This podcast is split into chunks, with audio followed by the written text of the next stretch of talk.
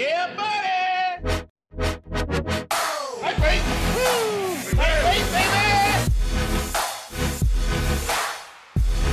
It is all over!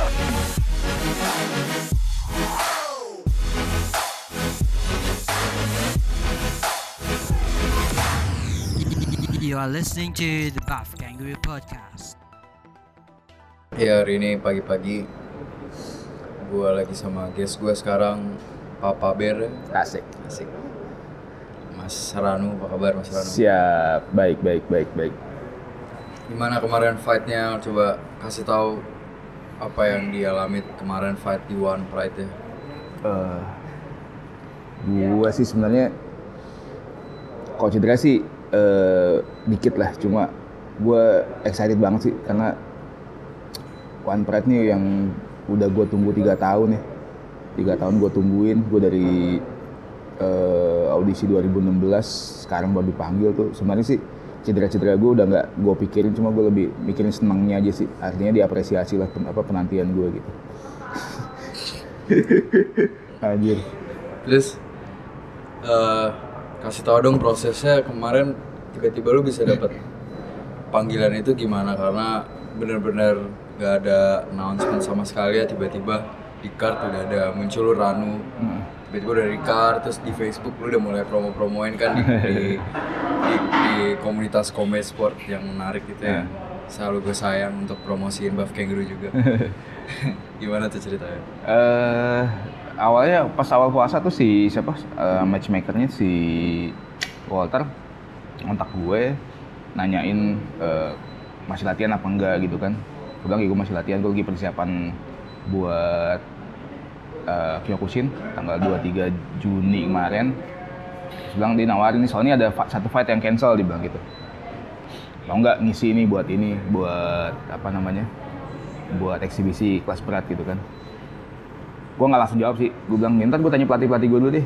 Gue konsultasi dulu sama mereka. Kalau misalkan mereka oke ya gue ambil gitu kan. Satu dua hari ini lah gue gue gue kabarin gitu kan.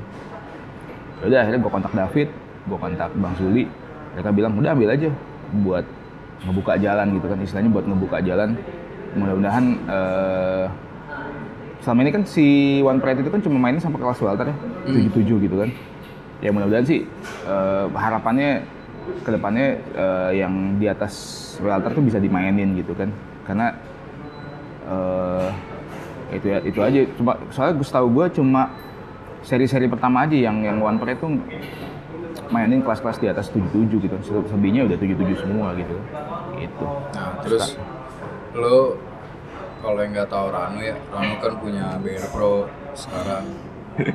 BR Pro, BR Pro. BR Pro Sekarang punya, sekarang lo manajer di S7 ya, Sub 7. Sub 7. Ah, bukan manajer ya. Ya, itulah mungkin lah sebutannya. Ya, orang pengurus lah. Pengurus pengelola. Terus lo salah satu anggota apa PPKBI ya? Apa namanya? Ya, pengurus PPKBI. Ah, ah.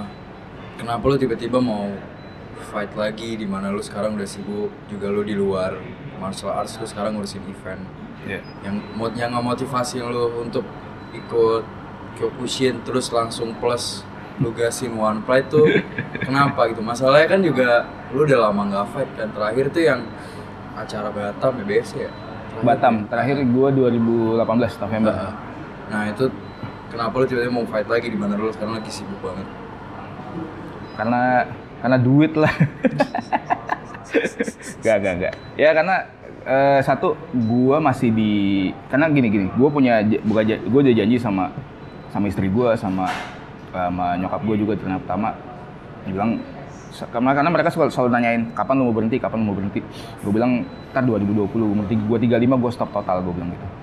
Nah, karena mung- mungkin karena gue lihat ini waktunya masih ada, akhirnya ya udah deh gue ambil deh, mumpung mumpung ada kesempatannya masih ada, masih diizinin juga sama mereka, akhirnya eh, apa namanya ya udah gue ambil aja gitu kan, gitu.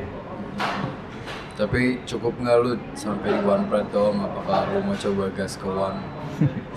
Eh, eh, eh, sebenarnya kalau menurut gue salah kayaknya mimpi semua orang sih, semua orang eh, semua fighter di Indonesia mimpinya tuh ke paling enggak sampai One FC ya. Kalau misalkan Iya. mimpinya sampai situ. Lalu juga gue rasa waktu lu awal-awal masih ini pasti mimpi lu udah ke sana dan sampai lu sekarang kesampaian ya kan?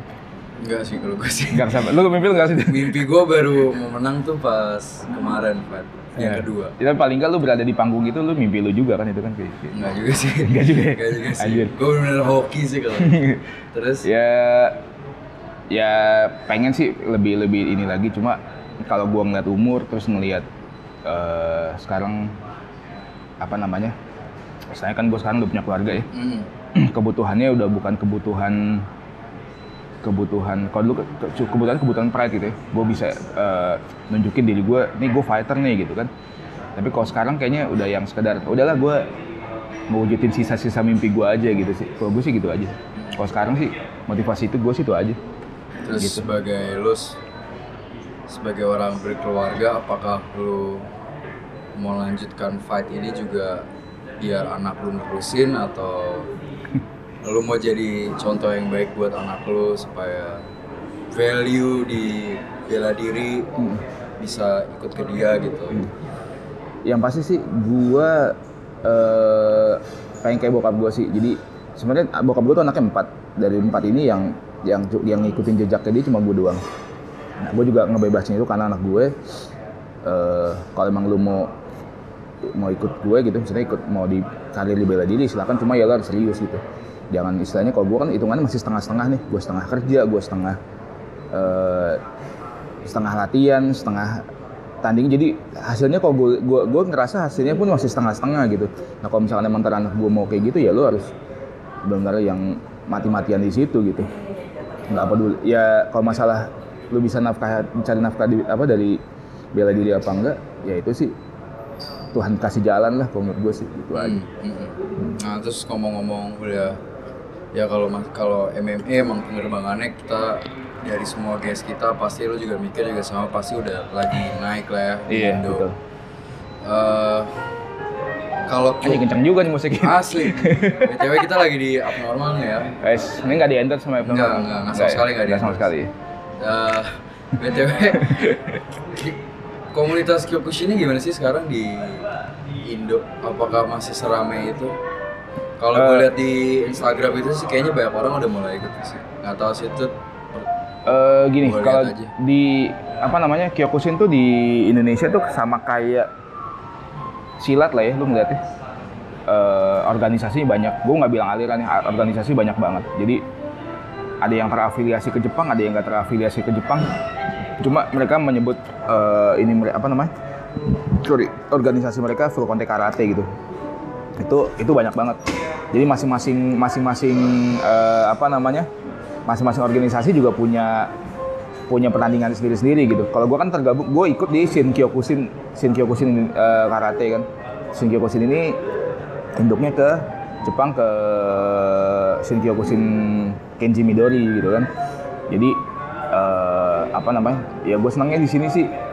Afiliasinya jelas eh, afiliasi pertandingan keluarnya juga jelas gitu kan. Karena gua gua aja udah alhamdulillah gua udah berapa kali ya mewakili Indonesia ya. Tiga kali gua mewakili Indonesia di main di luar gitu kan.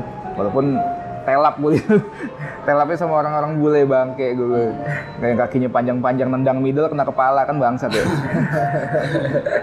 Nendangnya middle tapi kena kepala bangsat gue. Ini gue beberapa kali harus kena dan alhamdulillah gue juga hasil dari yang gue tanding kemarin tanggal 23 gue kepilih lagi buat main di kejuaraan Asia di Malaysia gitu kan. Jadi tanggung jawabnya sebenarnya gede sih.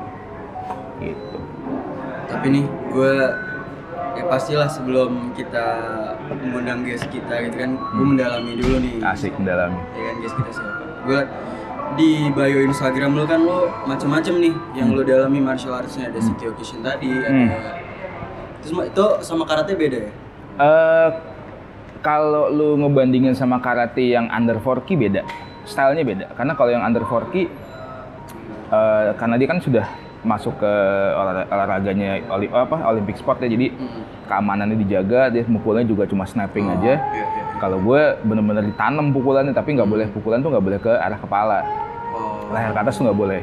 Cuma boleh ke badan. Tapi kalau tendangan boleh semua arah.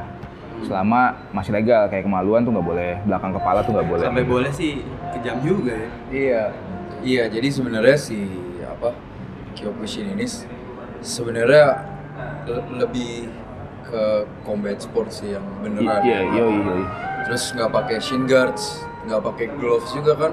Eh, untuk yang junior masih pakai, Ah, ah. yang senior sudah enggak. Yang senior sih udah nggak. Udah nggak. Terus bare knuckle juga kan? Bare knuckle. Tapi nggak mukul ke kepala aja mukul kan kepala. sebenarnya. Karena sebenarnya kalau bare knuckle lu mukul kepala sebenarnya bahaya. Hmm. Karena tulang-tulang lu yang di tangan itu, knuckle lu itu kan ruas-ruas bentuknya. Sedangkan kepala tuh tulang-tulang solid. Sebenarnya bahaya sebenarnya kalau mukul kepala gitu.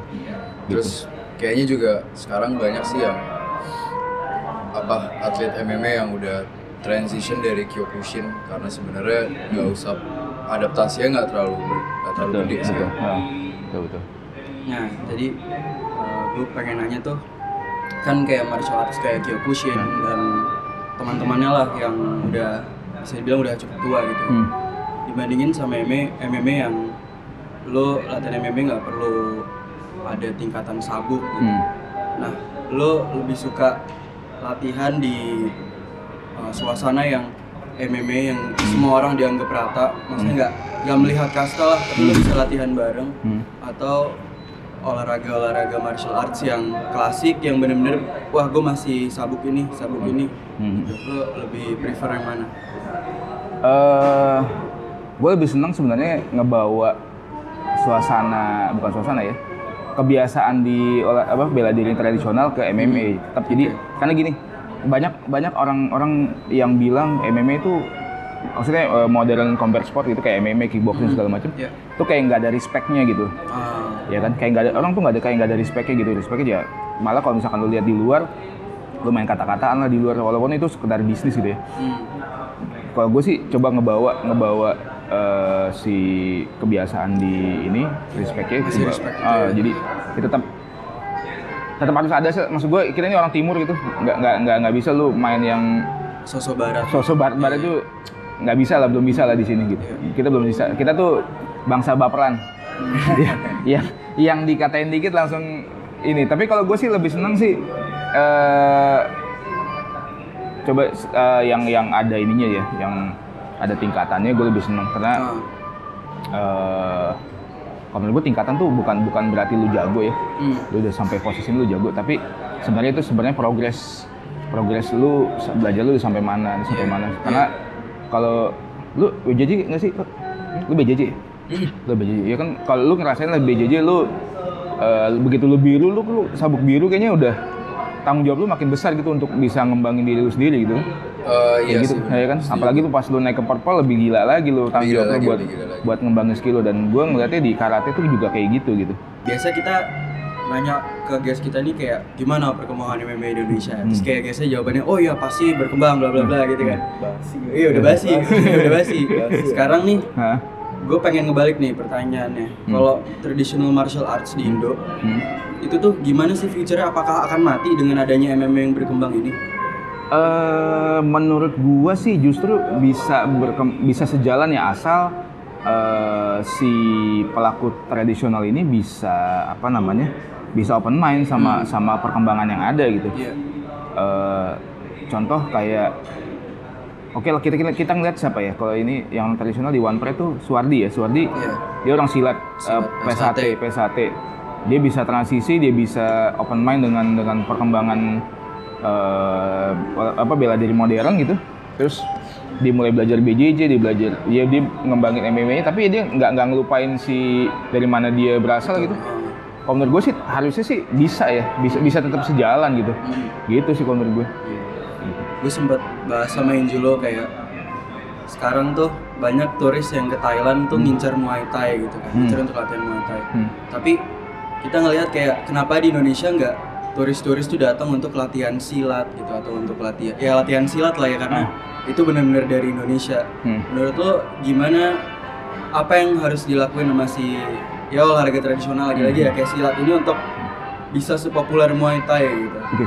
Eh, sebenarnya kalau lu bilang eh bule itu nggak ada yang latihan silat ke Indonesia, sebenarnya di Jogja itu ada namanya Tangtungan Project. Oke. Gue kenal banget sama ini orang-orangnya, Mas Yosi sama Mas Arif. Hmm. Satu lagi Mas Aris, jadi ada tiga itu. Mereka itu kalau nggak salah setiap tahun bikin namanya PMF, eh, Pencak Malioboro Festival. Jadi satu Malioboro itu ditutup sama dia untuk acara pawai pencak silat. Sama dia bikin kemarin kalau nggak salah eh, silat camp. Jadi dia ngundang orang-orang yang dari luar gitu ya untuk belajar silat gitu. Walaupun kalau nggak salah ada sekitar lim- 30 sampai 50 orang gitu bu- bule yang ikut.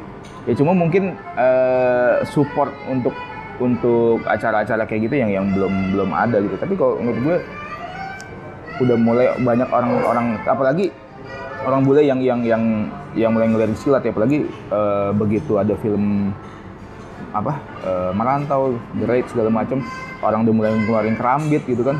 Banyak orang bule yang justru datang ke Indonesia buat belajar kerambit doang gitu. Kalau gue sih akan ke sana tapi mungkin karena kultur kita bukan kultur tukang berantem kayak orang Thailand nih jadi ya akan akan ada progres tapi lambat lah nggak nggak secepat itu gitu. Lu sendiri udah pernah ke festival itu?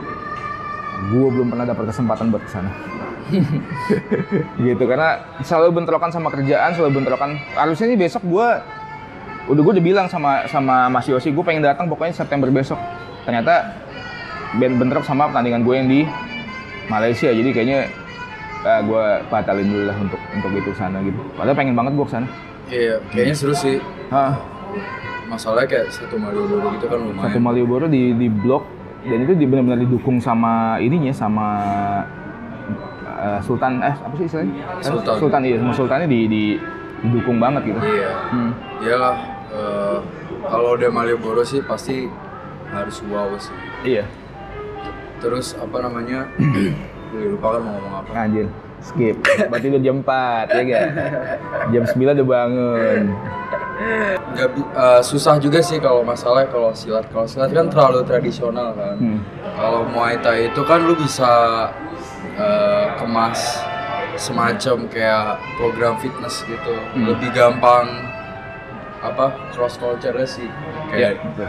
ke fitness sama segala macam kayak sekarang kan semua gym sekarang apa-apa gym apa ada Muay Thai apa apa boxing kayak udah lebih gampang gitu. Hmm. Nah, sekarang lu sebagai pengurus kickboxing Indonesia sekarang ya? Kickboxing oke. Uh, uh, gimana sih sekarang? Ada rencana nggak dari uh, dari organisasi lu buat kayak setiap tahun ngeluarin sekian banyak pertandingan gitu karena emang ya lu lu sama gue pasti tahu lah kurang kan buat anak-anak tanding betul sekarang betul, betul. ya kan Hmm. lu ada plan nggak buat kayak gitu di Eh, luar kayak sorry bentar hmm. di luar kayak siam gitu kan siam udah mulai setiap Hmm. tahun ada kan udah Iya, ada plan dia sekarang 4, empat kali setahun Mm-mm, so, lu juga ngurus juga kan di situ kan. Iya. Dan Siam kan kayak jelas gitu dari Januari sampai akhir tahun udah ada udah ada tanggalnya. Jadi orang tinggal oh gue mau fight tanggal sekian. Hmm. Itu ada nggak lu plan kayak gitu? Eh, sebenarnya gini, eh karena nih kita nih baru nih kemarin dilantik untuk kepengurusan di KONI. Jadi sekarang kickboxing udah masuk ke KONI, udah jadi be- olahraga bela diri resmi di under, di bawah negara gitu kan. Eh kita juga bakal ada kejurnas nanti tanggal bulan Agustus tanggal 2 sampai tanggal 4 di Bulungan. Eh apa namanya? dan kalau ngeliat gue lihat sih kalau misalkan karena ini udah masuk ke KONI ya jadi nanti mungkin di daerah-daerah sendiri juga bakal banyak nih pertandingan-pertandingan kayak Platda atau mungkin antar klub antar apa namanya karena kan dari kalau di apa karena ini sudah resmi di bawah negara jadi tiap setiap ini kan ada pengda-pengdanya tuh. Nah nanti pengda-pengdanya itu yang yang bakal bikin pertandingan-pertandingan antar daerah gitu kan gitu kalau menurut gue sih gue gue optimis sih karena sebenarnya kalau misalkan untuk stand up fight yang modern gitu lebih dulu masuk kickboxing dibanding Muay Thai. Hmm. gitu dan praktisinya pun dan sebenarnya kalau misalkan lu boleh lihat ya gym-gym Muay Thai di Jakarta gitu yang pure Muay Thai itu masih bisa dihitung jari gitu. Sisanya petnya ya gue lihat ala, ala ala ala kickboxing malah gitu kan. Cuma tambah elbow sedikit tambah knee sedikit jadilah Muay Thai gitu. Padahal kalau menurut kalau menurut orang yang mengerti Muay Thai ya itu bukan Muay Thai gitu. Bukan. lebih lebih kayak kickboxing plus elbow doang Nah, gitu elbow sama knee gitu. Kayak gitu sih. Iya. tapi kalau gue lihat sih eh apalagi yang yang apa namanya kita kan nih di- untuk eh, afiliasi dunianya kan ah, inter- afiliasi internasionalnya kan kita di under WAKO eh, World Amateur Kickboxing Organization. Eh, itu dia saat itu ada tujuh ada tujuh kategori yang mulai dari yang paling keras nih yang si K1 sampai light contact. Jadi light contact tuh yang lu cuma nendangnya kayak nyocol nyocol sambal tau gak lu? Coba nah, tak tak tak tak gitu. Jadi kalau misalkan apa namanya artinya semua kalangan lu bisa main. Oh ada satu lagi berat yang ini uh, musical performance namanya. Jadi lu cuma lu pernah lihat nggak sih kalau di YouTube tuh yang yang dia cuma kayak gerakan jurus-jurus gitu cuma pakai musik gitu? Kayaknya gue pernah liat deh. Ah, dia ah, itu itu juga ada ada beberapa kategori. Jadi ada kategori tangan kosong senjata pendek senjata panjang terus cewek cowok segala macam Kayak di GoFX kayak pernah deh. Iya kayak kayak tricking yang lihat itu kurang Iya, lebih iya. kayak gitulah kurang iya, lebih iya. kayak gitu jadi dia ada ada koreonya ada musiknya segala macam Mm-mm. jadi semua bisa bisa main sih orang-orang yang takut kena tendang pun lu bisa mainnya yang light contact aja udah gitu Hmm. gitu Kalau sebagai gym owner atau sebagai member hmm. yang gue cuman tadi latihan-latihan doang, gue pengen tanding nih. Hmm. Advice yang lu kasih ke mereka gimana? Kalau buat gym owner kan pasti gue mau member gue tanding. Hmm. Kalau misalnya member, oh gue capek latihan mulu kayak gini, gue pengen tanding. Menurut lo kalau misalnya gue langsung start kickboxing, Hmm. itu good ID nggak? Soalnya kan banyak orang bilang, oh lu boxing dulu, habis itu Hmm. pindah kickboxing, habis itu lo kalau mau MMA, MMA. Kalau menurut lo gimana? Eh, itu dia tadi gue bilang ini kan eh, kickboxing yang sekarang ini nggak cuma kayak lu lihat K1 yang benar-benar apa eh, bebas mainnya lah ya gitu kan. Ah, jadi ada ada yang namanya full nah, yang yang full contact jadi ada satu lagi namanya full contact. Full contact ini juga sebenarnya lebih light dibanding K1 gitu. Jadi lu tendangan lu cuma boleh tendangan pinggang ke atas terus eh, pukulannya juga cuma boleh pukulan lurus jab hook straight uppercut gitu. Kalau kayak back feet apa backspin juga nggak boleh gitu kan. Aturannya banyak kalau menurut gue sih buat buat pemula-pemula aman sih gitu. Baik lagi sih sebenarnya si gym ownernya juga sebenarnya harus bisa ngelihat sih potensi si membernya ini ke mana gitu.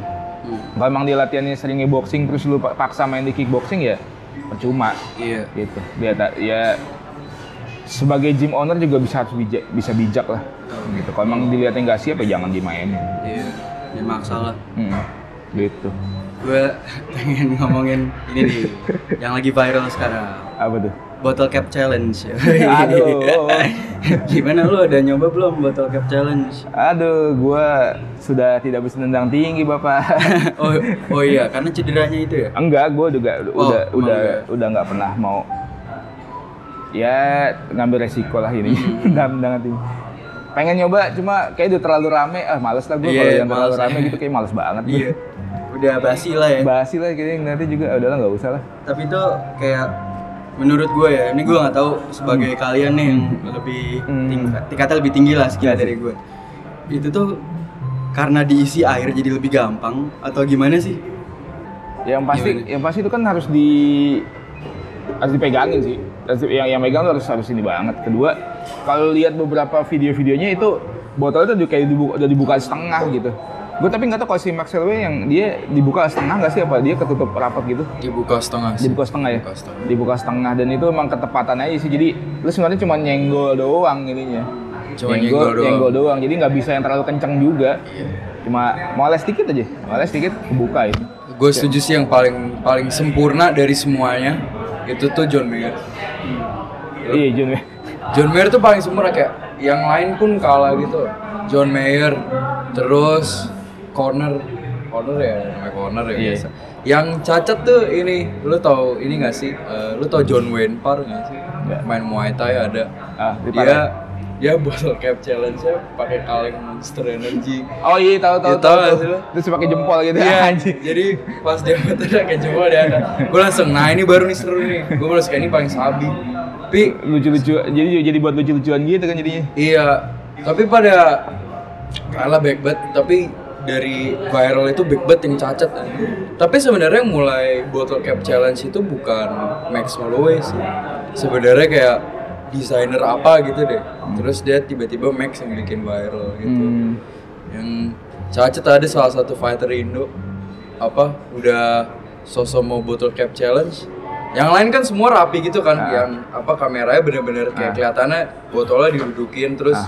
itu kan Tadi pegang sama dia. ada dipegang sama dia dipegang sama membernya dipegang terus pas muter gagal aja yang satu lagi botolnya mau jatuh aja Iya. justru justru yang yang gagal-gagal maksudnya yang gagal tuh justru yang yang kayak dia nepaknya terlalu kencang gitu kayaknya. Iya, nepaknya terlalu Terlalu kencang sebenarnya dia cuma moles doang.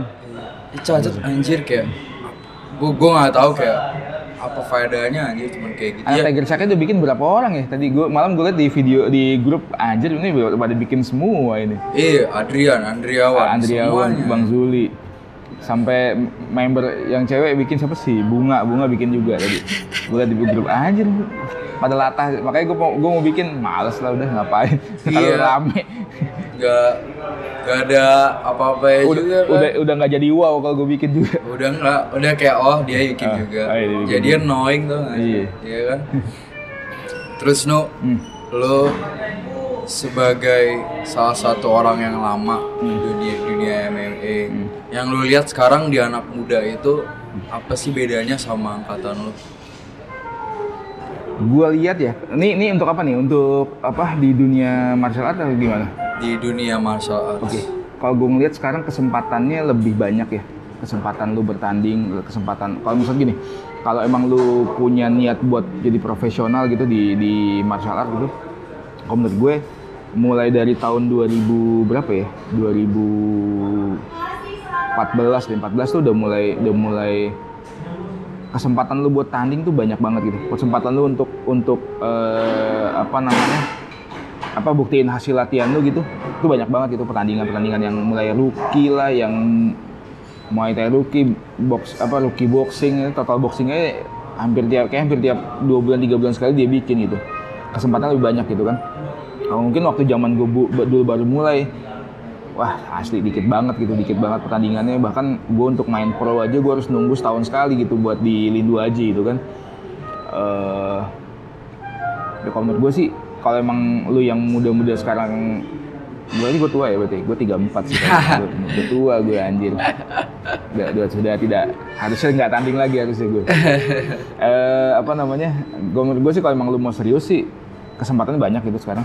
Kesempatan banyak. Eh ya ya udah latihan tanding latihan tanding latihan tanding gitu. Banyak banyak kesempatannya gitu. Yang pasti restu orang tua harus harus dapat sih kalau restu orang tua lu nggak dapet susah sih emang.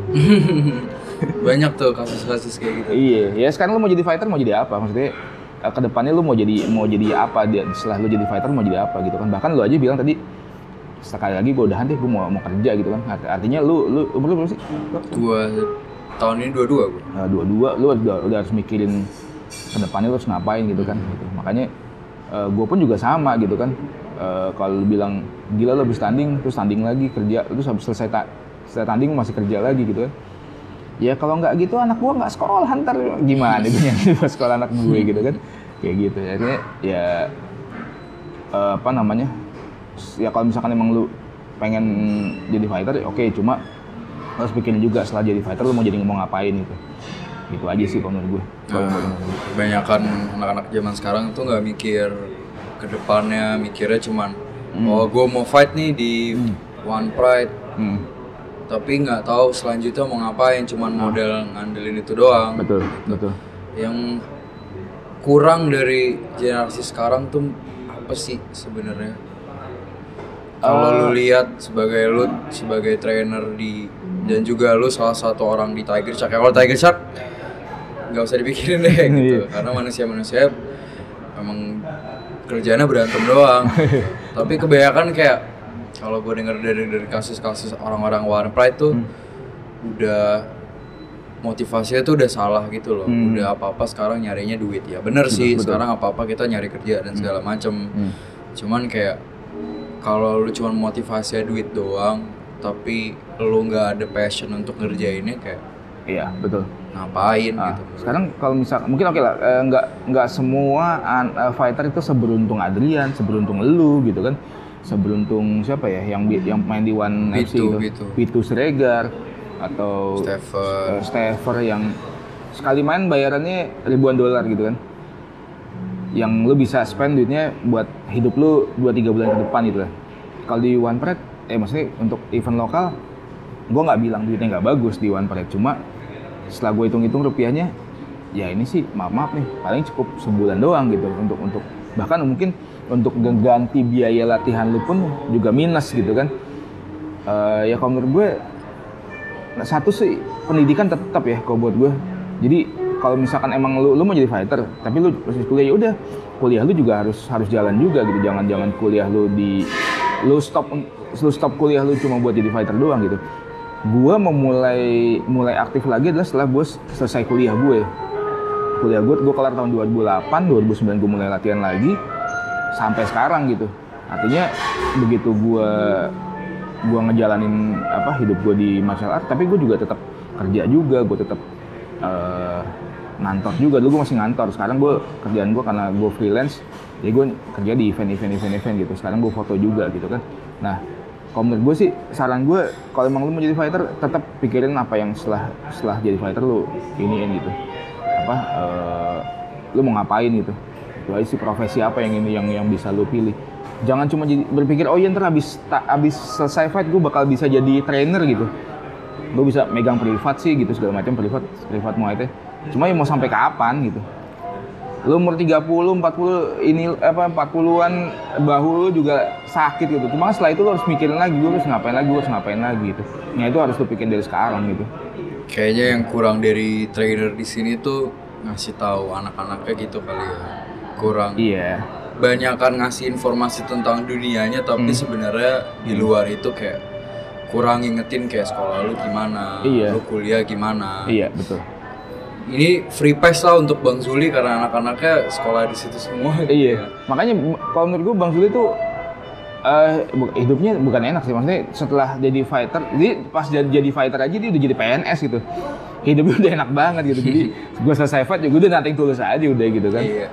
nanti tulus aja udah gue mau ini terserah dia gitu gitu Nah, ya kembali lagi ke yang gue bilang tadi sebelum kita podcast gue stok-stokan ya. Stok-stokan asik kalau stalker gue ya? Yoi, Waduh. untuk sehari kemarin tuh.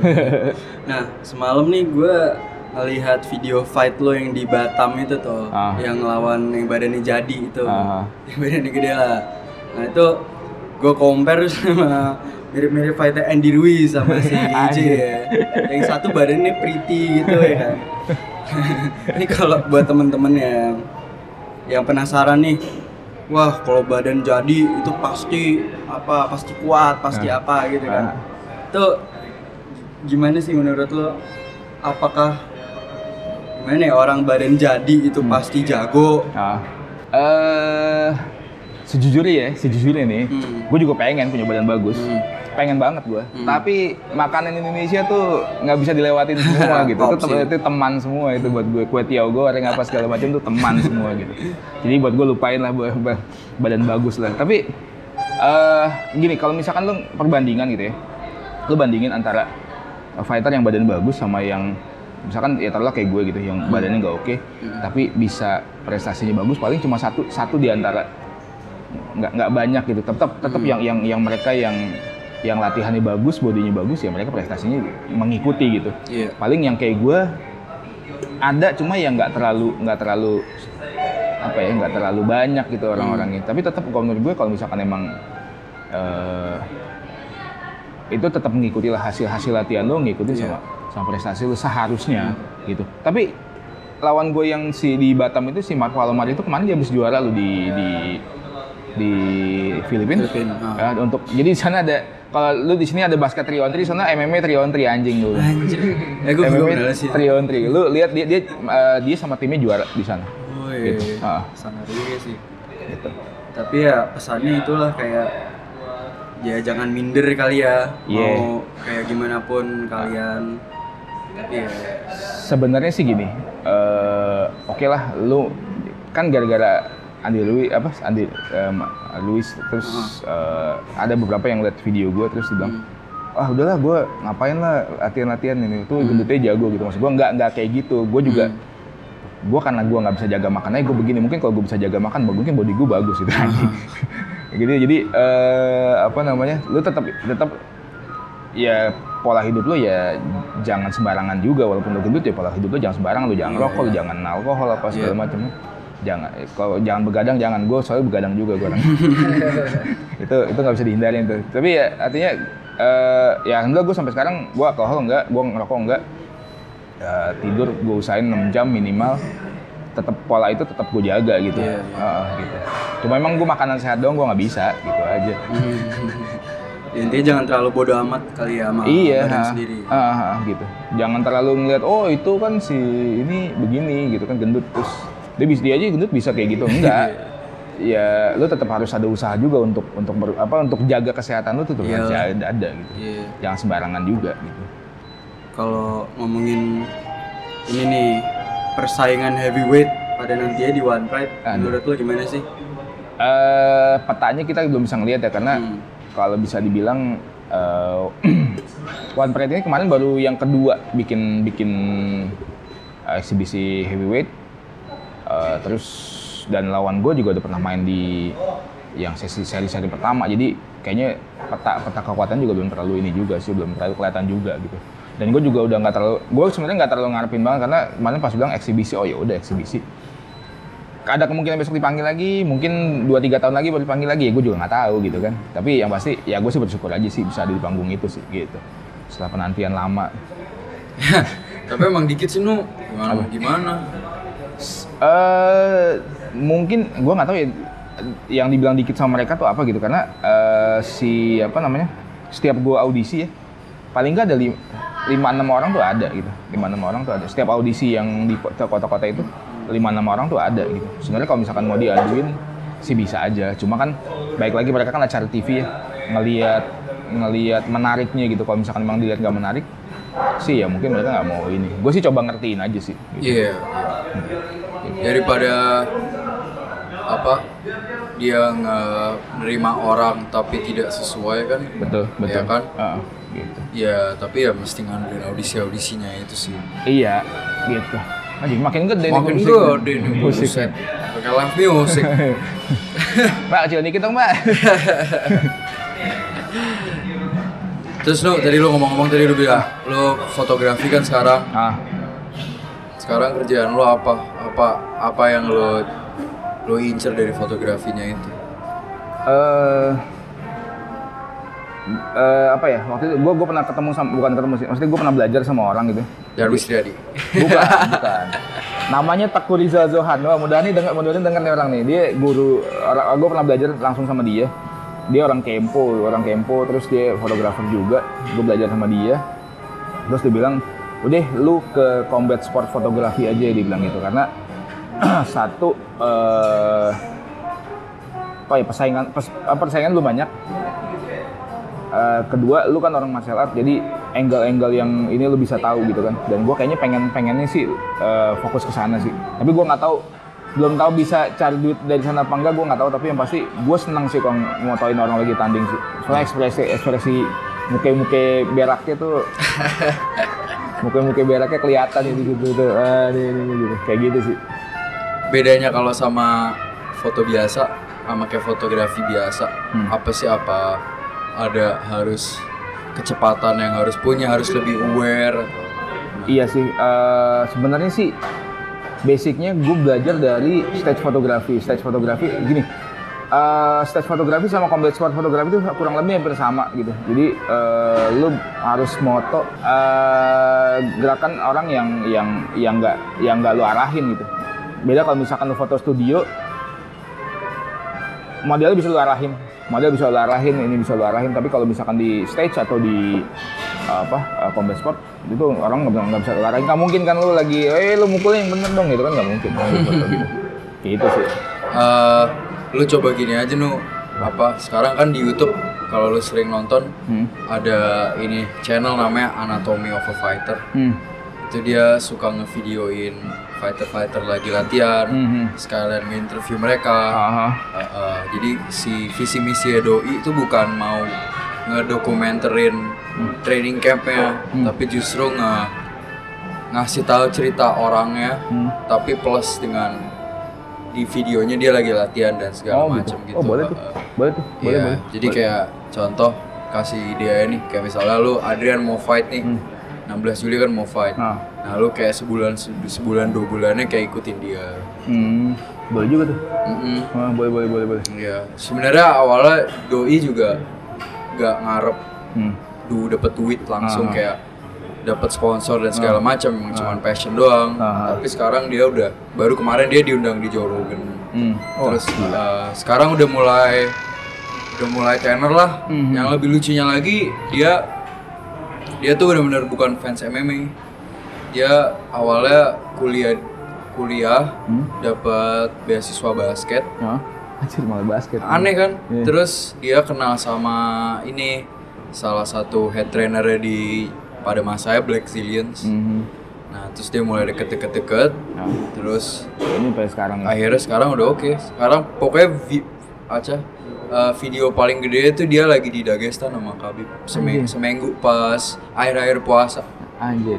iya lu coba gitu aja Keren keren keren. Boleh sih, boleh boleh boleh. iya sekarang kayaknya arahnya tuh sekarang lagi semua kayak gitu semua deh kayak kalau vlog apa segala macam. iya kayak sekarang fighter-fighter UFC udah mulai kayak misalnya Cody Garbrandt, Chad Mendes udah mulai bikin vlog sendiri gitu Hmm. Iya. Uh, Soalnya eh iya iya, sponsor sih rata-rata datangnya dari situ sih soalnya. mm-mm. Nah, gitu. Karena susah kan apalagi One Fight juga nggak nerima sponsor juga. Lu nggak boleh pakai celana bersponsor kan? Ah, ah. Eh, banner boleh sih, cuma Iya, Ben. eh kalau nggak salah lebih dari tiga logo lu harus bayar gitu nggak salah. Oh ya? Iya, Sakit. iya harus bayar sekian ratus ribu. Cuma kalau terakhir tuh Wardi tuh banyak banget ininya sponsor logonya. Gue bilang, ah, ini pasti gede nih sponsornya, makanya dia bisa bisa Bisa bayar. bisa bayar. Oh, tapi nggak nggak sampai juta-jutaan sih paling berapa? 750 apa berapa gitu. Lebih dari tiga logo. Tapi Wardi tuh kayaknya ngalahin semua fighter di sini ya untuk masalah sponsor. Kayak dia Toyota kan megang. Iya, jadi kalau gue dapat bocoran dia orangnya rajin, rajin bikin bikin presentasi, terus dia presentasiin sendiri. eh, ini gue ini bocoran dari dari siapa kemarin cerita sama gue. Eh, jadi presentasi sendiri, bikin bikin proposal. Mungkin dia sama timnya bikin proposal, dia presentasi sendiri. Kalau nggak salah, ada- yang gue tahu eh, brand gedenya Toyota sama ini apa namanya? Yang cat itu Dana Pain apa Dana apa gitu? Pain. Dana Pain kalau nggak salah. Yang gue tahu, eh nyebut merek boleh? ya? Eh, iya. Ini ntar di endorse lagi? Jadi ya gue lihat sih rajin dia. Maksud gue, nah ya maksud gue gini, fighter-fighter yang kayak gitu, ya kayak gitu yang yang kalau menurut gue harus dicontoh gitu kayak berarti dia dia udah mikirin soal bisnisnya gitu, bisnis bisnis fighter. Maksud gue, gue produk nih gitu. Si si Wardi mungkin nganggap gue nih produk, berarti gue harus bisa dijual gitu. Gimana cara gue ngejualnya? Dia, dia bikin kayak gitu proposal dan Nyala. dan harus dan harus kepikiran kayak gitu gitu. Udah udah harus men apa lu sebagai apalagi profesi lu mau jadi fighter sampai lu selesai ya. Iya. ah. Emang udah harus rajin ya kayak kerja aja sih ya bener gak sih? Hmm, hmm, betul. Bener-bener udah harus mikir ke depannya lah. mikir ke depannya mau mau ngapain gitu kan Iya, ini gue oper ke Rehan deh buat pertanyaan closing. Ya, closing ya udah mau 45 menit. asik Ini gue pengen ini aja sih nanya untuk tips orang-orang ya fighter di luar atau pemula gitu. Gimana walaupun lu nih gemuk gitu, tapi masih Anjir. bisa masih bisa lincah lah gitu. Itu apa tipsnya sih? aduh apa ya? Tipsnya singkat ya latihan sih udah. Hmm. latihan nurut sama pelatih lu udah nggak nggak usah ngebangkang udah itu aja sih. Hmm, apa maksudnya Rehan kayak mungkin perdalamin kayak lu conditioningnya apa sama aja kayak yang lain atau? Oke. Ah, Eh, gini apa namanya? Kalau gue pernah ketemu sama namanya Pak Saleh dia orang Sambo dia udah tua pada itu. Eh, tapi tekniknya masih bagus banget. Gue coba tanya coba tanya eh, sama dia. Rahasianya apa Pak Saleh? Cuma ada dua dia bilang gitu. Eh cuma satu. Tahu diri dia bilang gitu. Tahu diri artinya lo tahu nih bobot lu segitu gitu. Atau mungkin lo tahu umur lu segitu. Ya lo jangan jangan sok-sokan mau nyamain sama yang lain gitu. Maksudnya kayak gue nih gue lari di, di tim gue gue lari itu paling lambat gitu. Gue nggak mau nyamain speed gue sama Adrian gitu. Misalnya Adrian Andriawan Bang Suli gue nggak mau gitu. Tapi ya gue dengan dengan speed gue gitu. Tapi gue bikin konstan gitu. Gue akan begitu terus gitu. Bahkan mungkin gue gue tingkatin tapi tingkatin versi gue gitu. Tingkatin versi gue eh eh, apa namanya? Dan itu juga bakal bakal jadi jangan jangan pernah lu nyamain diri lu sama sama yang ini. Pengen nyamain gue pengen harus sama kayak gitu. Enggak. Beda. Anatomi tubuh orang tuh beda beda gitu Eh gue mungkin gue sama Adrian satu guru gue sama bang Zul sama apa sama-sama dari bang Zuli tapi output output latihannya pasti beda gue sama Adrian gitu. Gue Iya. sama Andriawan beda ini. Jadi eh, intinya lo tahu diri lu aja. Bukan tahu diri artinya dalam arti kasar ya cuma lo tahu diri eh, lu segitu bobot lu lu punya kekurangan kayak gini ya jangan jangan mau nyamain sama orang. Lu harus lu harus punya standar versi lu sendiri gitu gitu aja sih kalau iya, gue. iya, iya. Boleh boleh itu ya. Kita sudah selesai nih podcastnya. Thank you banget nih. Siap. Udah gabung sama kita. Ada sesuatu hal yang lu bisa promosiin IG, project apa? Eh, kalau mau IG gue di ya, at Muran Project M O E R A N underscore project. Eh, kalau lu butuh foto-foto anjing, butuh foto-foto profile, butuh jasa foto boleh ke gue. Terus sama kalau lu daerah-daerah Bintaro, eh, sektor 9 bisa mampir ke camp yang lagi gua kelola, Sub 7 itu ada di apa namanya di atasnya rumah makan sederhana di sektor 9 langsung datang aja dia buka jam 1 sampai jam 9 malam. Itu aja sih Datang ke tempat latihannya bukan kesederhananya ya ah iya ya awas nyasar biasanya suka nyasar emang gua sih ya nyasar gitu Oke, thank you banget ya Nu. Siap, terima Udah kasih, Bisa datang hari ini. Terima kasih. Pagi-pagi ini. ah. Eh, follow kita terus di Buff Kangaroo di Yo, Instagram. gua juga suka denger gua Ah, mantap. Ah, iya iya di Spotify Untuk para pendengar, follow kita di buffkangaroo.pod untuk Instagram, follow kita di Spotify juga, search aja Buff Kangaroo Podcast. Kita udah masuk pod, ah, udah ada namanya di podcast sports ya, lumayan lah. mantap mantap mantap mantap Eh, dari gua sama Rehan, Yoman, thank you sudah dengerin support kita terus ya. Ada di YouTube juga BTW, Buff Kangaroo Podcast. Jangan lupa ditonton, subscribe, like, share. asik jangan lupa ditonton. Salam sejahtera. Assalamualaikum warahmatullahi wabarakatuh. Waalaikumsalam Bye-bye. bye